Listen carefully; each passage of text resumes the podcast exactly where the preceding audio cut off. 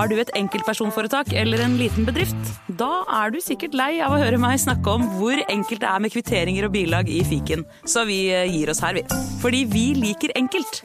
Fiken superenkelt regnskap. Nyt sommerferien på Prime. I'm here to show you a wonderful place. Had a rough week. Opplev spennende turer. Så kan dette bli veldig farlig. Finn sommerkjærligheten. You're like a Coachella. Hi. Hi. Se på Fallout, Furia eller The Idea of You. Okie dokie. Og gjør deg klar for en sommer full av eventyr. Bare på Prime. Krever abonnement på Prime Video.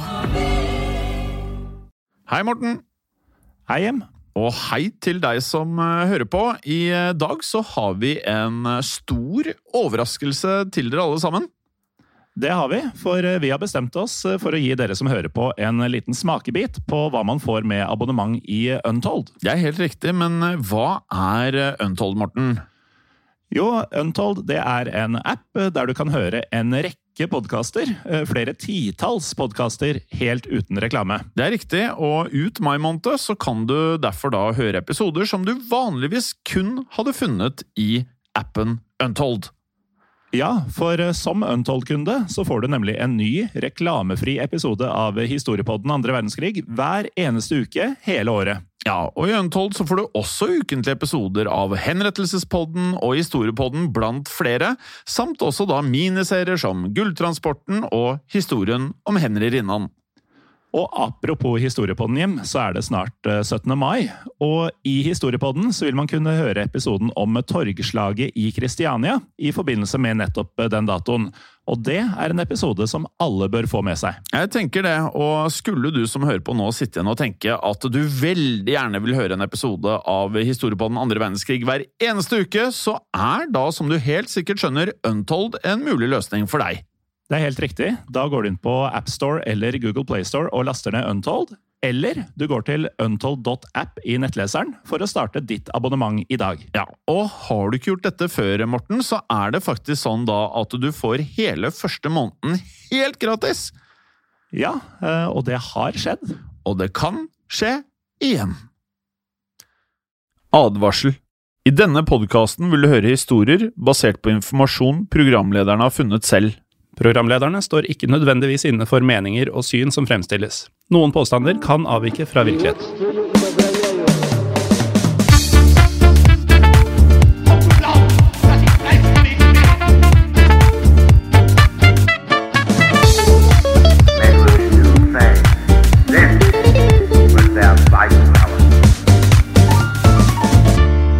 Hei og velkommen til en ny episode av Historiepodden WW2. Mitt navn er som alltid Jim Fosheim. Og mitt navn er Morten Galaasen. Hei, Morten. Hei.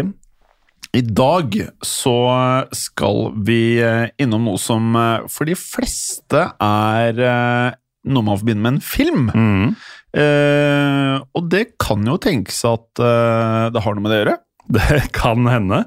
Eh, fordi episoden, som eh, folk sikkert har lest allerede, eh, heter jo The Great Escape. Helt riktig. Og um, filminteresserte vil jo da skjønne at dette er en historie som har blitt filmatisert, nemlig i form av spillefilmen fra 1963 ved navn The Great Escape. Har du sett den? Faktisk ikke. Jeg har den på DVD. Jeg har sett den mellom 10 og 15 ganger. Ja, Jeg kan mye av det utenat. Du er vesentlig sterkere enn meg på filmhistorie. Ja. Jeg, jeg har Takk. sett uh, veldig få av disse klassikerne fra spesielt kanskje sånn 50-60-tallet. Ja. Um, det er sikkert fordi du er et par år eldre enn meg. Nei, helt sikkert det. Nei, altså, faktum er at jeg har sett veldig mye film med pappa. Mm. eh, som også er ekstremt eh, filminteressert, og da, da blir det jo mye eldre filmer, ikke sant? Ikke sant? Uh, Men dette er jo en film ja. som ville vært verdt å se både for meg og for lytterne. Fordi det er jo da Steve McQueen som er i hovedrollen, uh, som en av lederne for en gruppe allierte krigsfanger. ja. Og de bestemmer seg rett og slett for å rømme fra en uh, konsentrasjonsleir slash fangeleir. Men før vi kommer dit, Morten. Ja. Vi vet jo at uavhengig av hvor mange ganger vi sier det, jeg hva som det som, eller over hvor lang tid en endring har blitt gjort, så vet vi at eh, behovet for å nevne hvor eh, historiepodden er å finne og lytte til, eh, det er fremdeles stort. Det er stort, til tross for at ja, vi har sagt det mange ganger. Vi har sagt det før, og vi kommer til å si det igjen. eh, at um, historiepodden, den, den ukentlige historiepodden Ja. og den ukentlige historiepodden WW2 Ja. eh, er å finne kun på Ja. ett sted, nemlig appen Untold. Det er nesten riktig. Mm. Fordi denne er jo uh, på iTunes og Spotify og andre steder. Det var derfor jeg sa den ukentlige. Ja, uh, fordi den månedlige, som denne, Ja, den kommer god. fortsatt ut åpent. Du er så smart du lurte selv meg. Ja, noen ganger så er jeg for eh, nøyaktig og presis i Ja. språkbruken. Ja, er Det, det er et stort problem for meg. Ja. Eh, det vi kan si, da, at eh, er du sånn som meg, og du er en iPhone-bruker Eller hvis du er som meg og er en Android-bruker. Helt riktig. Så for mitt vedkommende så går jeg inn på AppStore. Og jeg går inn på- ned Untold. Ja, og jeg ville gjort det samme på Google Play. Riktig. Eh, og hvis du eh, Jeg vet ikke om, om det er noe tredje alternativ. Kanskje det er det, men Det er en eh, nettside, Ja, det er det. uh, untold.app. Ja, helt riktig. Det er da en nettside hvor du kan laste ned Untold, som er en app. Veldig bra, Morten. Presist! Og man kan få 30, dra- 30 dager gratis eh, først. Veldig riktig. Mm. Ellers kan du gjøre sånn som oss. Et, vi tok et år, altså tolv måneder, Mm. og da tror jeg vi fikk veldig mye gratis. Og to eller to, Ja. to måneder pluss 30 dager, tror jeg. Ja, Et eller annet sånt. Ja, noe sånt. Det står på siden, og det står under brukervilkår når du laster ned på disse appene. Mm. Um, og igjen så må vi takke veldig for at uh, altså vi får veldig mye hyggelige henvendelser. Uh, og så kan jeg si at eh, jeg har uppet min aktivitet i gruppen vår på Facebook. Historie for alle, altså. Ja, så bra. Ja, voldsomt. Det, på tide at en av oss gjorde det. Ja, Og- altså, jeg, Nå er jeg helt rå. Nå har jeg lagt ut en sånn der meningsmåling, hvor Mm. folk kan være med å stemme, og så legge til filmtips uh, i julen, Mm. eh, som har noe historisk eh, konnotasjon. Eh, Ah. ja, ja.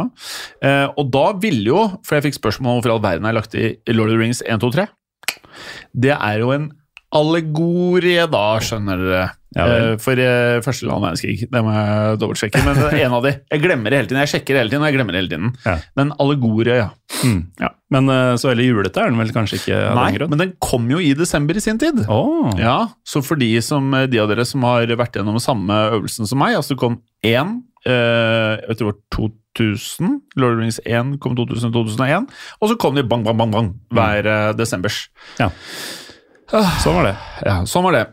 Uansett, tilbake til en helt annen film. Altså, The Great Escape fra 1963. Så er jo da, som vi da nevnte, handlingen fra denne tyske fangeleiren.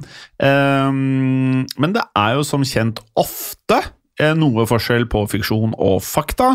Eh, I dagens episode skal vi derfor ta for oss de faktiske hendelsene som inspirerte denne Steve McQueen-filmen. Og det er jo innafor min sånn favorittkategori av type episoder. Ja. Eh, Det er når vi tar for oss en virkelig historie bak en popularisert versjon av det. Oh, ja. Eh, Vi gjorde jo det i eh, Historiepodden i allerede i sesong én om Argo. Ja, stemmer det. Som jeg Som er faktisk er verdt å høre på i disse dager. Fordi Iran har jo vært i søkelyset i nyhetene i hele høst, egentlig. Mhm. Og eh, den handler jo da om, eh, om en escape, faktisk, fra Iran på 70-tallet. Mm. Men Og den der episoden om Argo, du kunne velge hva som helst hele verden uh, som vi skulle prate om, Mm. og da var det Argo. ja, Ja, du ville virkelig prate om det. jeg ville det. Ja, bra. Fint. Ja, Men i hvert Så lytt til, da. Ja. Ja, lytt til. ja. Den heter vel Argo, tror jeg. Eller Operasjon Argo. Ja. Eh, Men du nevnte at det er ofte mm, forskjell på fiksjon og fakta. Så mm, vi skal da i dag faktisk få høre om en håndfull nordmenn som eh, dessverre ikke var å finne i filmversjonen. Eh, Men med det sagt da, så kan vi jo begynne med å introdusere åstedet for dagens historie. Vi tar oss derfor til området rundt byen Zagan. Ja, og Zagan ligger da i dagens Polen. Eh, vi skrur eh, kalender, klokke og det som er tilbake til året 1942. Og på dette tidspunktet så var Zagan en del av Nazi-Tyskland, og i mars 1942 så åpnet da nazistene en ny fangeleir i nærheten av Zagan. Ja, og denne leiren ble drevet av det tyske flyvåpenet, altså Luftwaffe. Og den fikk da navnet Stammlager Luftdrei. 3. eller Hovedleir Luft 3. Hørtes mye heftigere ut på tysk. Det vil jeg også si. Eh, Men den omtales eh, oftest som eh, noe enda tyskere, egentlig. Stalag Luft 3. Ja. Dette var en av totalt eh, 1000 krigsfangeleirer som ble opprettet i Nazi-Tyskland under andre verdenskrig. La meg skyte inn, Morten, her at leiren den vokste til en størrelse på 8,9 hektar. Og hektar, det har ikke jeg umiddelbart et forhold til. Jeg har veldig lite forhold til hektar. Eh, men det jeg kan si, for alle som har sett på film eller bilder eh, du- har sikkert sett bilde av Alcatraz. Mm. Ja. Sett Eh, den på nært hold også. Har du vært der? Jeg har vært på sånn båtcruise rundt, men ikke, men ikke vært i land på øya. Det er noe jeg tenker man ikke drar på cruise for å se. Men eh, ok, jeg skjønner. Bra. Du har jo vært de snodigste av steder, eh, Morten. Veldig bra. Eh, og dette her, altså de 8,9 hektarene, det, det skal angivelig tilsvare 2,5-gangeren i størrelse da, eh, av Alcatraz, som det er i San Fran, vel? Mm. Ja. Vil du si at nå som du har vært på cruise rundt Alcatraz, vil du si at eh, 2,5-gangeren Alcatraz at det er meget? Det er meget. Det er altså, meget. Alcatraz er jo, for de som ikke veit det, et svært, uh, riktignok ikke i drift lenger, men et eh, svært fengsel. Um, og hadde du nesten tredobla det, så hadde det vært enda mye større. Ja. Så, så dette er en svær leir vi snakker om. Ja, nettopp, ikke sant? Uh, etter at eh, Stalag Luftdrei åpnet, så hadde leiren derfor omkring 11 000 fanger, og det er jo mye. Mm. Uh, av disse 11 000 så var det omkring 2500 briter, og så 7500 amerikanere. Eh, resten av fangene kom fra andre allierte land, eh, som vi skal høre om, og så inkluderte dette også faktisk Norge. Ja, og jeg kan også nevne at eh, leiren var delt inn i forskjellige seksjoner. Hver seksjon besto av 15 brakker, som husa 15 fanger hver. Og her sov fangene i køyesenger med plass til tre fanger per seng. Ja, eh, og det er jo ikke så lite. Nei, det, det er flere enn det skal være i en køyeseng, føler jeg. Ja, for du sover to pers i en stor seng. Mm. Noen ganger én pers. Ja, eh, Mesteparten av livet mitt én pers. Ja. Og det var også slik da at leiren lå omkring 16 mil sørøst for Berlin. Og grunnen til at den ble bygget ved nettopp Zagan, var at bakken i området var svært rik på noe ikke jeg ante at det var viktig å være rik på, nemlig sand. Ja, eh, Og dette ville da gjøre det langt vanskeligere for fangene å grave sånne underjordiske rømningstunneler, som ikke var helt uvanlig på denne tiden. Nei. Men det var også andre ting ved fangeleiren som gjorde eh, fluktforsøk svært intrikat og utfordrende. Ja, vi nevnte jo disse brakkene, og hør på dette her. The barracks housing the prisoners were raised uh, 60 centimeters off the ground to make it easier for guards to detect tunneling. The surface soil was dark gray, so it could easily be detected if anyone dumped the brighter yellow sand found beneath it above ground, or even just had some of it on their clothing. Another defense against tunneling was the placement of seismograph microphones uh, around the camp, which were expected to detect any sounds of digging. Det er ikke med i filmen. Nei, det er kanskje ikke det. Eh, men det, det, er, det er vanskelig å Når du skal lage en film og bruke fiksjonen, eller bruke fantasien, da, så er det vanskelig å forestille deg alt det tyskerne kunne finne på på denne så, tida. Det er, tyskerne er så tyske noen ganger. Det er det. Å ha mikrof seismiske mikrofoner i bakken! Ja, og du tenker jo da at tyskerne har tenkt på alt, men likevel så tok ikke dette motet fra fangene. For i månedene før The Great Escape så oppdaga fangevokterne en rekke tilfeller av at fanger likevel da prøvde å grave seg ut av leiren. Og um, sånn vi har forstått det, så fant tyskerne på forskjellige tidspunkt hele 98 påbegynte tunneler. Og det er ikke lite. Det er jo nesten 100, det. Det er helt riktig, Morten, og øh, det betyr at det nesten er tresifret. Mm. Og disse 98 påbegynte tunnelene de ble alle ødelagt før noen fikk eh, brukt det til noe vettugt, i hvert fall. Men til tross for dette så fortsatte fangene å prøve seg, selvfølgelig. Og da var det The Great Escape, intet unntak. Nei, men før vi kommer til hoveddelen av historien, så må vi nevne at det fant sted en tidligere flukt fra Stalag Luftdrei. Ja, Dette aller første vellykkede eh, fluktforsøket fant sted i eh, 43, altså 1943. Da tok rømlingene også i bruk en tunnel. Fangene som rømte, var tre britiske kamppiloter ved navn Michael Codner, Eric Williams og Oliver Philpott. Did you like my pronunciations? Ja, han eh, Philpott eh, jeg, jeg så liksom på arket og tenkte her kan Jim få trøbbel, men det gikk. Ja, Hadde du sagt Philpott? Nei, jeg hadde også sagt Philpott. Philpott, ja.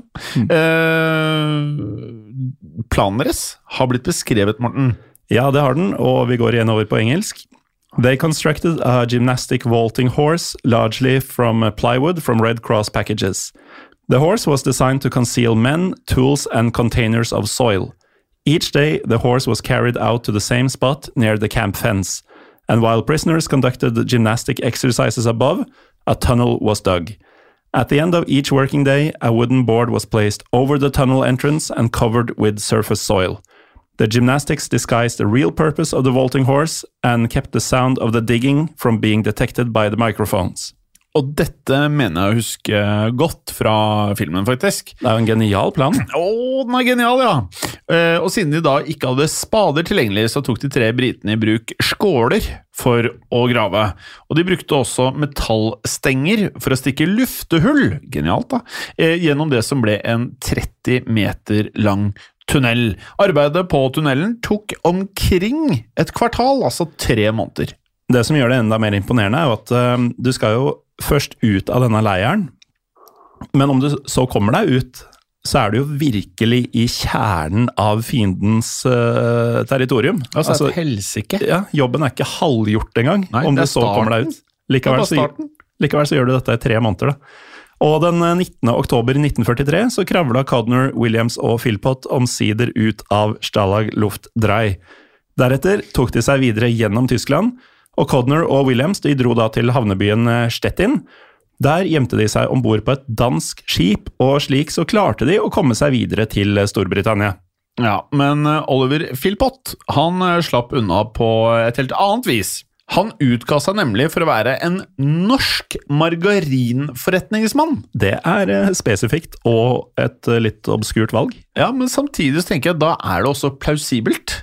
Ja, og du er i hvert fall ingen trussel. Du er ingen trussel, helt riktig. Han selger ikke ekte smør engang, det er bare margarin. Nettopp. Og med denne falske identiteten så um, hoppet han på et tog til byen Gdansk. Har du vært der, Morten? Der har jeg ikke vært, men Nei, eh, jeg har hørt fine ting. Ja, du har det. Det er sånn sted jeg hadde tenkt at du hadde vært. Det var litt skuffende. Uh, og i eh, Gdansk så gjemte han seg på et uh, svensk skip. Som frakta han videre til Stockholm, og derfra kom også Philpott seg tilbake til Storbritannia. Men til tross for at tre fanger hadde rømt fra Stalag Luftdrei, så følte den tyske leirkommandanten at man kunne unngå flere rømninger. Ja, og Her kan vi da avsløre at eh, kommandantens fulle navn var Friedrich Wilhelm Franz Max Ehrenmann Gustav von Lideine genannt von Wildau. Veldig Monty Python-tysker. Skal vi se Én, to, tre, fire, fem, seks, syv, åtte, ni, ti, elleve navn. Og det er to von. Ja, eh, ja, han er Von dobbel Lindeiner von. Wildau. Det er altså så uh, vanvittig. Ja, vi må forenkle dette litt, uh, Jim. Ja, uh, Wildau, da, eller? Ja, vi holder Ja, oss til Wildau, ja. Wildau. Ja. Og det, det var da slik at Wildau han mislikte Hitler og nazistene. Ja. Og han anså rollen som leirkommandant som en måte å tjene Tyskland uten å måtte direkte forholde seg til naziregimet. Riktig, så derfor så lot Wildau seg bekymre i møte med rykter om at tyske krigsfanger fikk dårlig behandling i England, og han ble dermed redd for at Hitler ville beordre skyting av allierte fanger som en slags eh, form for hevn, da. Ja, og derfor skal Wildau ha sagt følgende til Stalag Luft Dreis nestkommanderende, Gustav Simoleit. Wir müssen uns einer ernsten Situation äh, stellen. Was sollen wir tun, wenn Hitler weitere Repressalien will und uns den strengen Befehl erteilt, einige unserer Gefangenen zu erschießen? Du, dette her Jeg følte jeg kunne ta innholdet her eh, uten at jeg skjønte alle ordene. Så uh, forsto jeg helheten. Det er det, dette tror jeg er det lengste tysken jeg har måttet lese i den podkasten her. Ja. Det var eh, vanskelig. Du er bedre på fransk. Ja, Men eh, hva, er, eh, hva ville dette blitt på norsk? Eh, det ville vært noe sånn som vi må møte en alvorlig situasjon. Hva skal vi gjøre hvis Hitler ønsker flere represalier? Det var jo veldig likt, da. Eh, og sender oss en streng ordre om å skyte en rekke av våre fanger. Ja, det, det fikk vel et svar, det. Ja, det gjorde det. Men uh, i stedet for at du tar det på tysk, så kan jeg ta det på uh, norsk. Ja, Det er uh, da Simoleit, nestkommanderende, som svarer. Riktig. Og han sier da hvis jeg skulle få en så fryktelig ordre, ville jeg nektet å adlyde. Og dette her er deilig å høre, da. Ja. Eh, jeg foretrekker i dette tilfellet å bli henrettet selv for militær ulydighet. Her prater vi heltete. Dette er uh, ikke så tysk som alle de andre tyskerne vi har hørt om. Nei, ikke alle. Det er mye helter uh, der også, selv om man, uh, man hører jo om mange som eh, var med på de grufulle handlingene. Eh, videre eh, Han eh, sier da at han heller vil eh, bli henrettet selv for militær ulydighet, og så sier han da og vil ikke prøve å redde mitt elendige liv ved å adlyde. Det er sterkt. Og deretter så tok Wildau Simoleit i hånda, før Wildau svarte da vet vi begge hva vi må gjøre. Men selv om Hitler på dette tidspunktet ikke beordra skyting av fanger, så skulle det dessverre komme en slik beskjed på et senere tidspunkt. Så de visste litt sånn eh, De visste hva som lå i gjerdet her, altså. De kjenner lusa på gangen. De gjorde det, men eh, før vi kommer til den eh, svært, svært triste delen av historien, så prøvde Lidainer Wildau å gjøre fangene tilfreds med tilværelsen i leiren. Fangene fikk f.eks. sitt eget bibliotek, det er jo bra. Eh, Her kunne de ta forskjellige typer utdanning som ble gitt gjennom nødhjelpsorganisasjonen Røde Kors, faktisk, og det er sjelden vi har hørt om eh, så langt i podkasten. Det er det, men eh, det blir enda mer sjeldenheter her, fordi mm, det fantes også et eget teater, der fangene annenhver uke satte opp skuespill. Og I tillegg så hadde de sitt eget høyttaleranlegg, som ble brukt til å drive en egen radiostasjon. Og denne radiostasjonen den fikk navnet Stasjon KRGY, etter det tyske ordet for krigsfanger. Og um, på toppen av dette så publiserte fangene også to egne aviser i leiren. Avisene het eh, The Circuit og The Krigie Times, og de kom ut fire ganger i uka. Det er meget. Ja, dette er jo, altså Vi nevnte jo tidligere det var ca. 11 000 fanger i leiren, så det er jo faktisk behov for et visst opplag og sånn. når du Ja, først... Det er, det er imponerende, faktisk. Ja, jeg er enig. Eh, og som om ikke det var nok, så var det også muligheter for eh, idrett. For av alle Tysklands fangeleirer så var det eh, Stalag Luft 3 som hadde det aller beste sportstilbudet. Ja, Hver seksjon av leiren hadde nemlig egne baner som kunne brukes til volleyball, basketball og softball. Og det fantes også muligheter for boksing, fotball, bordtennis og fekting. Og når det gjelder flere av disse idrettene, så fikk eh, fangene organisere sine egne ligaer, faktisk. Men til tross for de um, tilsynelatende avslappa forholdene, så var fangene konstant på vakt mot uh, spioner. Og dette problemet løste de noe sånn som slik. Prisoners operated a system whereby newcomers to the camp were vetted to prevent German agents from infiltrating their ranks. Smart. Uh, any prisoners who could not be vouched for by two prisoners who knew him by sight was interrogated and watched continually by other prisoners until he was deemed to be a genuine POW. Uh, several infiltrators were discovered by this method, and none is known to have escaped detection. Ja, og dette POW er jo da POW, altså Prisoner of, War, Ja. eh, krigsfange. Um, I tillegg så sørga fangene for å more seg på tyskernes eh, bekostning. Fangene ga nemlig de tyske vaktene kallenavnet goons, eh, som vel er, rett og slett er noe sånt som tullinger. Ja. Um, og dette var et kallenavn tyskerne villig aksepterte, for de hadde nemlig blitt fortalt at ordet var en forkortelse for German Officer or Non-Com. Um, rett og slett um, tysk offiser eller underoffiser. Ja, uh, Det er også greit å vite at leirens 800 fangevoktere besto av Luftwaffe-personell som enten var for gamle til eh, ordinær kamptjeneste, eller som var yngre soldater med, soldater med permisjon fra aktiv fronttjeneste. Og flere av disse hadde fått permisjon i forbindelse med spesielt krigsskader. Mm. Med andre ord da, så var det ikke nødvendigvis de mest avskrekkende tyskerne som voktet Stalag Luft 3. Noe som muligens bidro til at en større gruppe fanger nå bestemte seg for å rømme. Og det planla de å gjøre ved å grave tre tunneler som, ble, som fikk navn. De ble døpt eh, Tom, Dick og Harry. Og hvordan dette gikk til, skal vi høre mer om etter en kort pause. Velkommen tilbake. Før pausen, Morten, så nevnte vi at eh, The Great Escape nå ble planlagt. Og mannen bak ideen var eh, jagerflypiloten Roger Bushell. En mann som ble født i Sør-Afrika som sønn av engelske foreldre. Under andre verdenskrig så gikk han så inn i britenes Royal Air Force, RAF, men under kampene om Frankrike i 1940 så ble flyet hans eh, skutt ned, og dermed ble Bushell tatt til fange av nazistene. Og da endte han jo opp da i Stalag Luft Drei, og på det tidspunktet så hadde Bushell allerede gjennomført to mislykkede eh, fluktforsøk. Likevel var han fast bestemt på å prøve igjen. Så fra mars 1943 tok han derfor en ledende rolle for å organisere en offisiell fluktkomité blant fangene, og den fikk navnet The Escape Committee, og det kan jeg like. Altså, vi, vi var jo tidlig innom hvordan denne leiren var satt opp med tanke på sikkerhetshensyn og mikrofoner og det ene og det andre, og de var redde for spioner internt blant Og så setter du opp en offisiell fluktkomité og gir det navn og greier. Det, det er freidig. Ja, det er freidig. Og jeg liker det. Ja, ja, det er helt nydelig. Og fra den nordlige delen av fangeleiren så koordinerte komiteen all fluktplanlegging i leiren.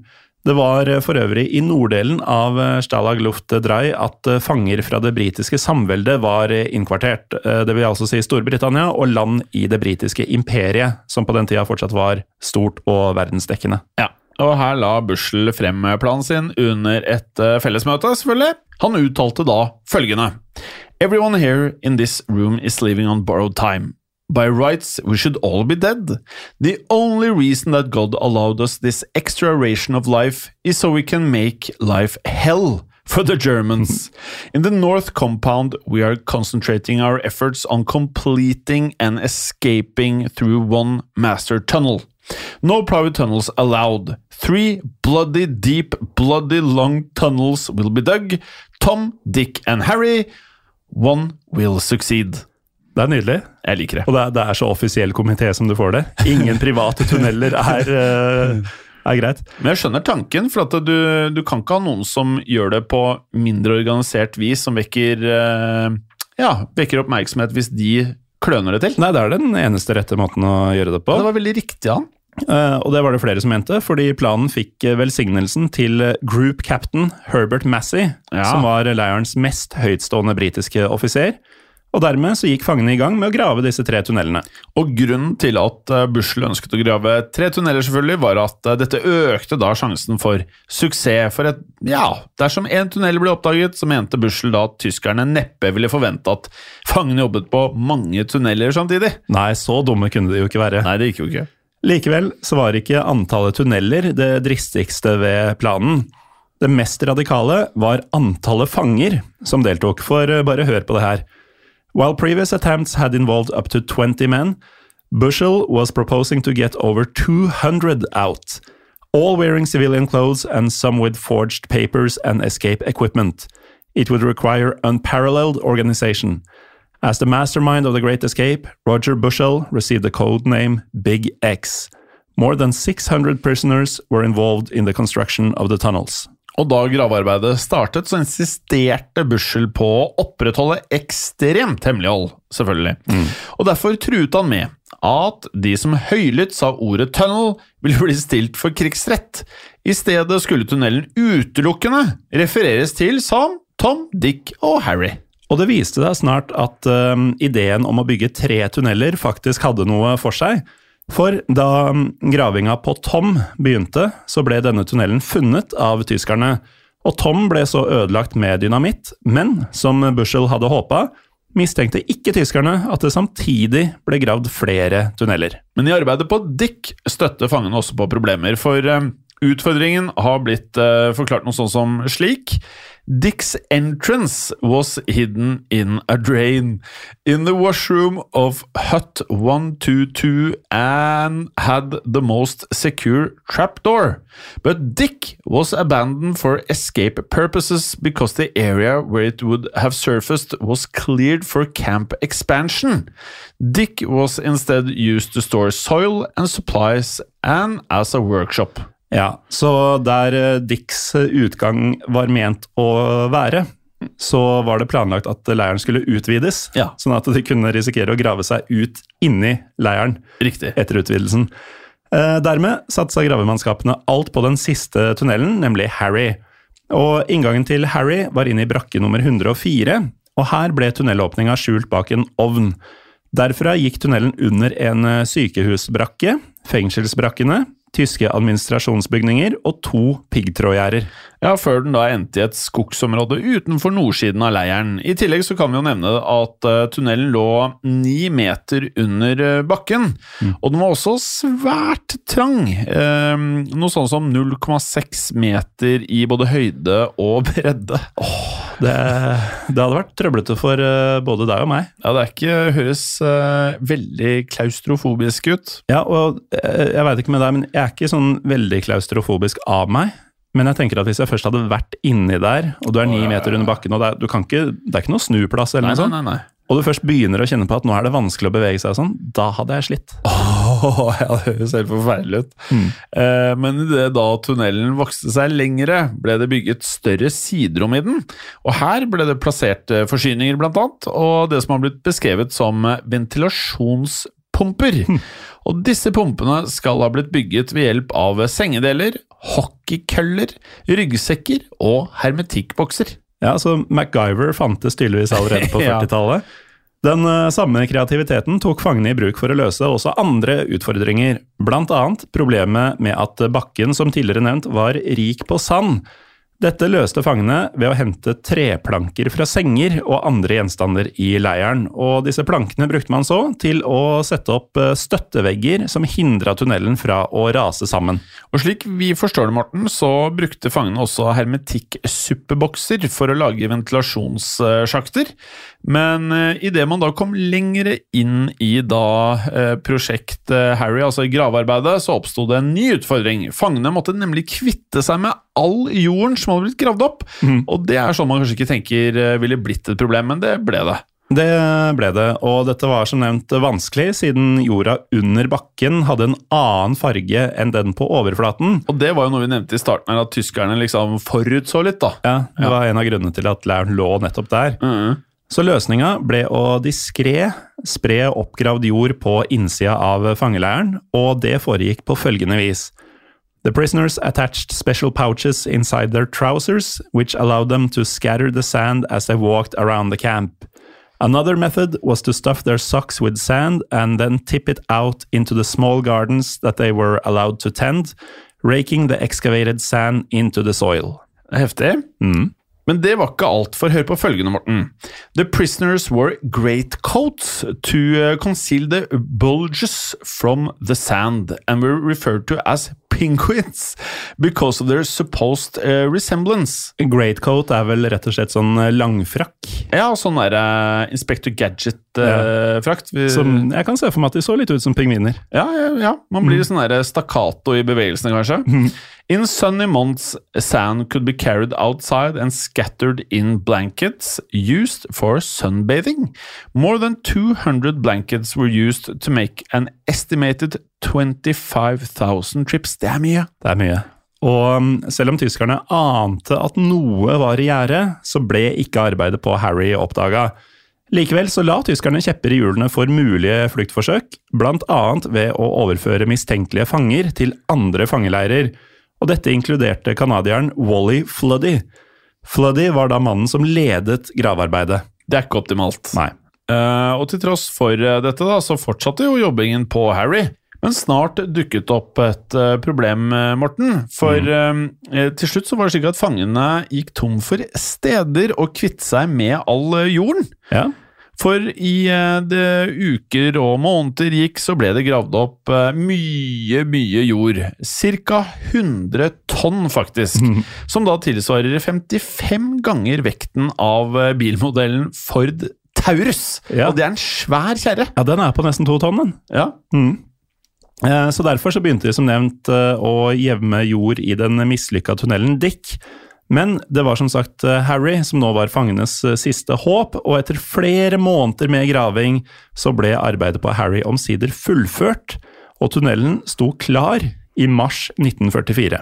Ja, men uh, i motsetning til uh, altså, filmen vi nevnte, altså filmversjonen med McQueen, så var det ikke amerikanere som eh, ledet gravearbeidet. Amerikanerne i Stalag Luft Drai ble nemlig flyttet til en annen leir før Harry ble ferdig. Det eneste unntaket var en amerikaner som også hadde britisk statsborgerskap. Og dette var Major Johnny Dodgy. Og Dodgy ble dermed den eneste amerikaneren som deltok i The Great Escape. Med det sagt, Jim, så var det flere nordmenn inne i bildet, som vi Ja. tisa litt om innledningsvis. Ja, vi gjorde det. For blant fangene som forberedte seg til å rømme, var de norske krigsfangene Haldor Espelid, Nils Jørgen Fuglesang, Per Bergsland og Jens Einar Müller. Ja. Eh, alle nordmennene var eh, kamppiloter, faktisk. Slik at da Norge ble okkupert i 1940, så kjempet de da videre på alliert side. Men i tur og orden så ble de så tyske krigsfanger etter å ha blitt skutt ned fra himmelen. Og da nordmennene havna i Stalag Luftdrei, ble alle med på Bushels eh, plan. Og slik vi forstår det, så bidro Müller faktisk med bygging av eh, disse tidligere nevnte ventilasjonspumpene til tunnelene. Ja, og i det vi da hopper frem til 24. mars 1944, så gikk nordmennene og resten av fangene i gang med fluktforsøket sitt. Planen var at hele 200 av de totalt 600 fangene som deltok i gravingen, skulle da rett og slett rømme gjennom tunnelen Harry. Og disse 200 ble delt inn på følgende vis. They were placed into three groups based upon priority with the committee heads, foreign language speakers and those who'd contributed the most to the escape heading out first. Ja, Den første gruppen de var utstyrt med sivile klær eller uniformer. og Uniformene hadde blitt eh, skaffet ved å enten bestikke eller og faktisk da utpresse tyske vakter. Vi nevnte jo tidligere at det var ikke de hardeste tyske vaktene i akkurat denne leiren. Nei, det var ikke det. Og på toppen av dette så hadde rømlingene også skaffet seg noe annet utstyr. Slik som eh, følgende. The best maps and the most convincing ID papers which had been replicated by the prisoners after they managed to get their hands on a camera. The rest of the escapees were given basic maps, passable travel and work permits, less convincing clothing, and um, a few hoarded rations and some homemade compasses. Ja, Med det sagt så krøp den aller første gruppen med fanger ned i Harry. Og da flukten startet, så var klokken blitt 20.45, og siden det var en overskyet kveld dette her, så var det ikke noe månelys.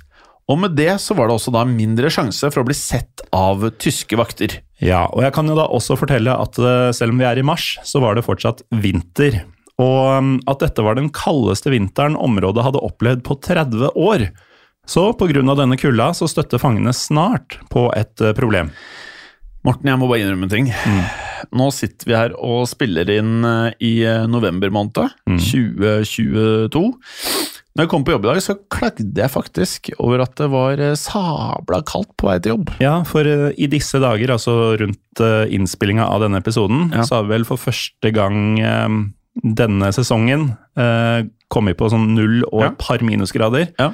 Og det er merkbart, altså. Det er merkbart, eh, men jeg klagde selv om jeg hadde Jeg har- jo tilgang på superundertøy eller hva det heter eh, hjemme. Mm. Jeg har med ullgenser, vintersko, vind, boblejakke.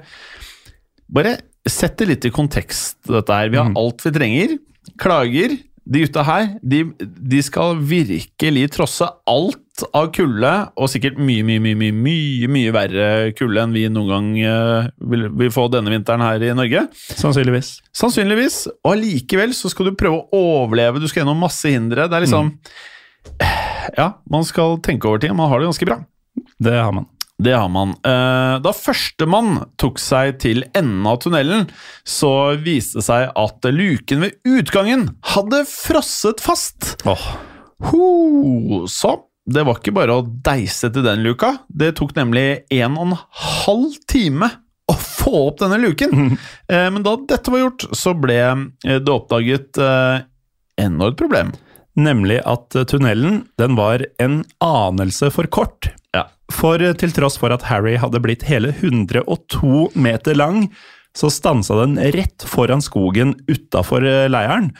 I stedet hadde man eh, prestert å grave utgangen bare noen få meter unna et vakttårn, og dette vakttårnet lå i åpent leide mellom fangeleiren og skogen. Og da er det jo ikke rart at Bussel og de andre fangene vurderte da å utsette flukten, slik at tunnelen kunne graves lenger inn mot skogen. Men ettersom de falske ID-papirene deres allerede var datostemplet, så innså fangene at en utsettelse det ville vært mer eller mindre umulig.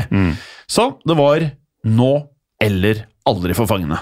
Og dermed så gikk eh, flukten av eh, stabelen, og det som så skjedde, har blitt eh, forklart slik. A rope was run from the exit hatch to behind a small fence nearby. The first man out lay behind the fence and tugged on the rope to give the all clear signal. Although effective, the speed at which the men could now escape had been drastically reduced. Tunnel collapses, men getting stuck, and a blackout caused by a nearby air raid all contributed to further delays. The rate at which uh, the men were escaping was around one every six minutes. That's 10 per hour, which was a lot slower than the planned one or two every minute. Ja, for klokken fem om morgenen den eh, 25. mars 1944 så hadde 76 mann kommet seg gjennom tunnelen, eh, og da gikk det omsider gærent. For da fange nummer 77 stakk huet ut av åpningen, så ble han eh, rett og slett sett av en tysk vakt, og denne vakten slo jo selvfølgelig umiddelbart alarm. Noe som naturligvis eh, skapte kaos blant fangene som fortsatt venta på å ta seg ned i tunnelen. Disse fangene skifta raskt tilbake til fangeuniformene sine, og i tillegg så brant de alt av falske ID-papirer og annet fluktutstyr. Og mens dette pågikk, så la de 76 fangene som hadde kommet seg ut på sprang gjennom skogen. Samtidig så samlet den tyske leirkommandanten, altså vår nevnte Wildau, alle gjenværende fanger i Stalag Luft Drei, og disse ble nå tvunget til å stille seg opp utendørs. Og der måtte de jo stå i denne tidligere nevnte kulda, mens eh, tyskerne gjennomførte en fangeopptelling.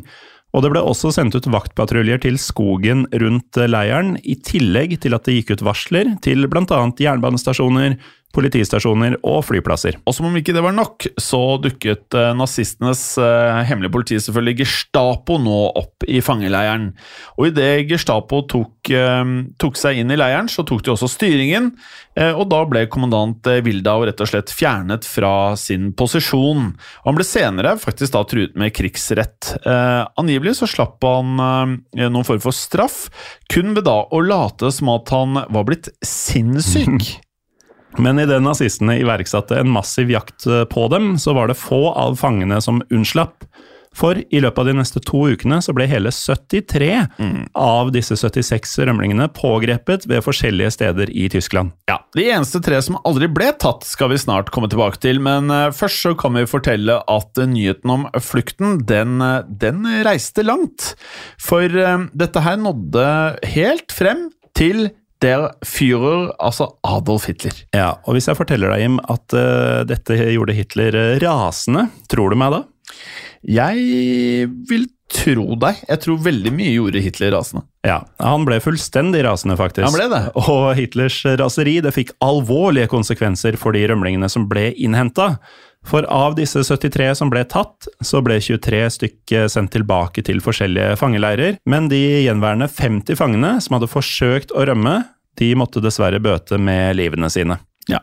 Uh, dessverre, men eh, som hevn for eh, fluktforsøket så ga nemlig Hitler ordre om at eh, disse 50 skulle henrettes. Eh, men slik vi forstår det, ønsket Hitler egentlig å henrette alle de 73 fangene som ble tatt. Ja, men eh, han ble imidlertid overtalt av eh, Luftwaffe-sjefen Herman Göring faktisk om å begrense antall henrettelser til 50. Med det sagt ble Hitlers ordre utført av Gestapo. Eh, slik at Da fangene ble pågrepet, så ble de kjørt ut eh, i par på en avsidesliggende landevei, og her ble de så skutt. Blant fangene som mistet livet på denne måten, var dessverre Roger Bushell og de to nordmennene Haldor Espelid og Nils Jørgen Fuglesang. Jeg kan også nevne at tyskerne som utførte disse drapene, senere ble stilt for krigsrett av de allierte. Og av de totalt 18 nazistene som ble tiltalt, ble 13 funnet skyldig og henretta. Under etterforskninga så vitna også den tidligere leirkommandanten Wildau. Wildau ble da mm, renvaska, ettersom tidligere leirfanger bekrefta at han ikke utførte krigsforbrytelser. Og senere så ga Wildau også penger til å reise minnesmerke for de 50 henretta fangene i nærheten av Stalag Luftdrei. Men som vi nevnte for litt siden, så skulle vi tilbake til de tre fangene som faktisk unnslapp. For blant de tre var nederlenderen Bram van der Stock. Eh, Han flyktet gjennom det tyskokkuperte Europa, han, og med hjelp fra den franske motstandsbevegelsen så kom van der Stock seg helskinnet til det nøytrale på den tiden, Spania. Og deretter gikk han tilbake i aktiv tjeneste som jagerpilot for britenes RAF. Og dette her det føyer seg inn i rekken Morten, av helter vi har prata mye om i podkastene våre tidligere. altså. Ja, for alt han har vært gjennom, så er det bare snakk om å komme seg inn i kamp Ja. igjen for å risikere å havne i akkurat samme situasjon, eller verre, på nytt. Men akkurat der, du vet vi, vi har vel funnet ut at vi er, vi er ikke de modigste. Nei. Eh, akkurat her, jeg hadde turt å rømme. Mm. Eh, hvis jeg hadde kommet meg hjem igjen, så liker jeg å tro at jeg hadde gått tilbake i tjeneste. Altså, Jeg hadde ikke gitt meg selv om jeg hadde vært gjennom dette, her, for jeg vet at det er mange andre som har det verre. Eh, Bram van der Stock ga seg i hvert fall ikke, og han endte andre verdenskrig som den mest dekorerte kamppiloten i nederlandsk historie. Men når det gjelder eh, de siste to fangene som unnslapp, så kan jeg fortelle at begge disse var norske. Ja, Det dreide seg nemlig om eh, allerede nevnte Per Bergsland og Jens Einar Müller. Da var det slik at Bergsland og Müller holdt seg sammen etter at de rømte. Og hvordan de to klarte å flykte, beskrev Müller senere slik i memoarene sine. Det tok meg tre minutter å komme meg gjennom tunnelen. Over bakken krøp jeg mens jeg holdt tauet i flere meter. Det var bundet til et tre. Sersjant Bergsland ble med meg. Vi ordnet klærne våre og gikk til Sagan eh, jernbanestasjon. Du, er det ikke vanvittig at eh, jeg har aldri hørt om disse to nordmennene før? Nei, og ikke de to som ikke kom seg ut heller. Ja, Men er ikke dette helt sprøtt? Det er det. Det er jo øh, egentlig ganske Det er jo stort for lille Norge, dette her. Det er det. Derifra forteller Müller at øh, følgende skjedde. Bergsland hadde på seg en sivil dress han hadde laget av en Royal Marine-uniform med en RAF-overfrakk litt endret med brunt skinn sydd over knappene. Et svart RAF-slips, ingen hatt, han bar en liten koffert som, var, eh, som var sendt fra Norge. I den var norsk tannkrem og såpe, smørbrød og 163 Reichmark Itland land av The Escape Committee. Vi tok toget klokken 02.04 til Frankfurt an der Oder. I papirene våre sto det at vi var norske elektrikere fra arbeidslager, altså arbeidsleiren i Frankfurt, som jobbet i nærheten av Sagan. For reisen fra Frankfurt til Stettin hadde vi andre papirer som beordret oss til å bytte arbeidssted fra Frankfurt til Stettin. På denne måten så tok de to nordmennene seg over til havnebyen eh, Stettin, og der fikk de hjelp av to svenske sjømenn, som fikk Bergsland og Müller på et skip til Stockholm, og der oppsøkte nordmennene det lokale britiske konsulatet. som da igjen skaffet flytransport til nettopp Skottland, og derfra gikk turen videre til Canada via London.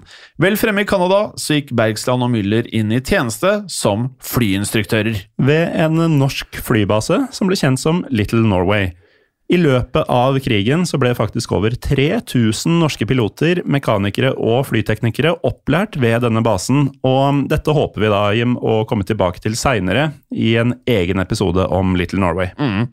Og med det så nærmer vi oss jo nå liksom siste del av historien vår om eh, The Great Escape, men jeg klarer liksom ikke helt eh, dette her med at jeg aldri har hørt det. Jeg har ikke hørt om Little Norway. Jeg har ikke hørt om noen av disse fire heltene. Det er så rart. Det, er så, det virker som jo mer vi lager dette, er så tilfeldig hva som eh, blir sett på som helter eh, etter krigen var over. Ja, og så er det jo litt sånn Det er jo interessant å høre hva, hva skjer med folk etter, eh, etter krigen. For man skal jo tilbake til livet hvis man først overlever. Mm. Og så bare en siste ting, da. Det virker som at det vi har eh, satt mm, Vi har brydd oss kanskje litt ekstra om de som har sabotert ting eller vært i motstandsbevegelsen i Norge, geografisk. Mens det er masse helter som har gjort andre ting som er eh, vel så viktig, vil jeg si, da. Så alle fortjener, fortjener eh, mye kred. Um, Du nevnte jo hva som skjer etter eh, krigen. Vi kan jo eh, nevne at Bergsland og Müller de overlevde begge annen verdenskrig. Mellom 1970 og 1981 så ble, ble Bergsland faktisk direktør for eh, flyselskapet Widerøe, som eksisterer en dag i dag. Så ikke bare overlevde han, men eh, levde jo med Bram framover. Og Brask Nei, mm. Bram. Vi vet jo ikke om det var Brask. mest med Bram. Ja, med Bram. Eh, per Bergsland han døde 9.6.1992 i en alder av 74 år.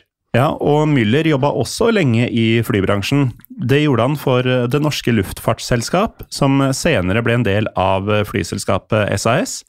I 1977 så gikk han av med pensjon, og deretter levde han resten av livet på Rykkinn. Ja. Eh, Jens Einar Müller døde 30. mars 1999 og ble 81 år gammel.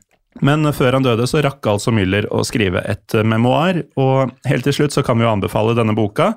Tittelen på boka er Tre kom tilbake, og den ble først utgitt helt tilbake i 1946. Ja. Eh, Det finnes også en eh, engelsk utgave fra 2019. Denne har tittelen The Great Escape from Stalag Luft 3, og den kan faktisk da bestilles fra norske bokhandler. Og I tillegg så kan man jo da også se den berømte filmen The Great Escape fra 1963. Men i den så finner man verken Bergsland eller Müller, for um, som vi har vært inne på, produsentene tok seg kreative friheter for å få en amerikaner inn i hovedrollen. Så du får ikke Bergsland, du får ikke Müller. Du må rett og slett ta til takke med Steve McQueen. Men den er veldig bra, altså. Det er bare å få det på. Eh, Jeg har den som nevnt eh, som DVD. Jeg mener jeg kjøpte den på Amazon. Ja, det tviler jeg ikke på. Nei, det bør du heller ikke tvile på. Så det er godt du ikke tviler på det. Eh, til dere som da ønsker å komme med forslag til episoder, så gjør dere det veldig enkelt ved å sende oss en DM på Instagram eller Facebook, hvor vi heter Historiepodden Norge. Åh, bra, Morten. Eh, eller du kan eh, dele ting på gruppen vår Historie for alle. Og hvis du spolte over introen vår, så er det sånn at eh, alle de episodene du ikke finner på Spotify, iTunes eller andre steder, de ligger da i en egen app som heter Untold, som er moderne medias egen podkast-app. Ja, og de som er litt sånn eh, redde for at vi skal flytte på oss igjen Det skjer ikke. Nei, for det har skjedd. Og det kom... Kommer ikke til å skje igjen. Nettopp fordi det er, som du nevner, Moderne Medias egen app. Vi spiller jo inn eh, hos Moderne Media, Ja. tilhører Moderne Media. Ja, ja. Vi går ingen steder heretter. Nei, det er helt riktig. Det var et godt poeng. Det har vi glemt å si, for vi får ofte spørsmålet. Det var bra, Morten. Nå er du god. Mm. Ja. Du er sabla sterk. Jeg er sterk i dag, altså. Ja, du er sterk. Um, det har skjedd. Og det kan skje igjen. Ha det bra. Ha det. Historiepodden ønsker å takke følgende. Dere som hjelper oss som sitter i produksjonen. Dere som hjelper oss som sitter i redaksjonen, inkludert eh, tekstforfattere. Det er helt riktig. Og dere som sitter på marked, som faktisk da gir oss muligheten til å drive med Historiepodden. Og selvfølgelig alle dere som hører på. Tusen takk. Moderne media. Hei, og takk for at du hører på denne podkasten. Bøddel er en eh, miniserie som tidligere har blitt publisert i Untold, men ut mai vil du få tilgang til denne samt en rekke andre miniserier og ukentlige episoder av Moderne Media sine podkaster. Du finner Bøddel og andre podkaster som Henrettelsespodden helt reklamefritt i Untold. Som en liten smakebit så får du hver uke i mai en ny episode av disse podkastene, som vanligvis kun er tilgjengelig for Untold-abonnenter. Hvis du liker det du hører, så bør du laste ned Untold, eller gå til untold.app for å starte ditt abonnement i dag. Hei, Fredrik og Bjørn Henning her. Vår nye podkast Fordomspodden, den er ute nå. Podkasten der norske kjendiser møter seg selv i døra. Har Kristin Gjelsvik alltid drømt om å lære seg å jodle? Ler Stig Henrik Hoff av eventyret Askeladden som kappåt med trollet?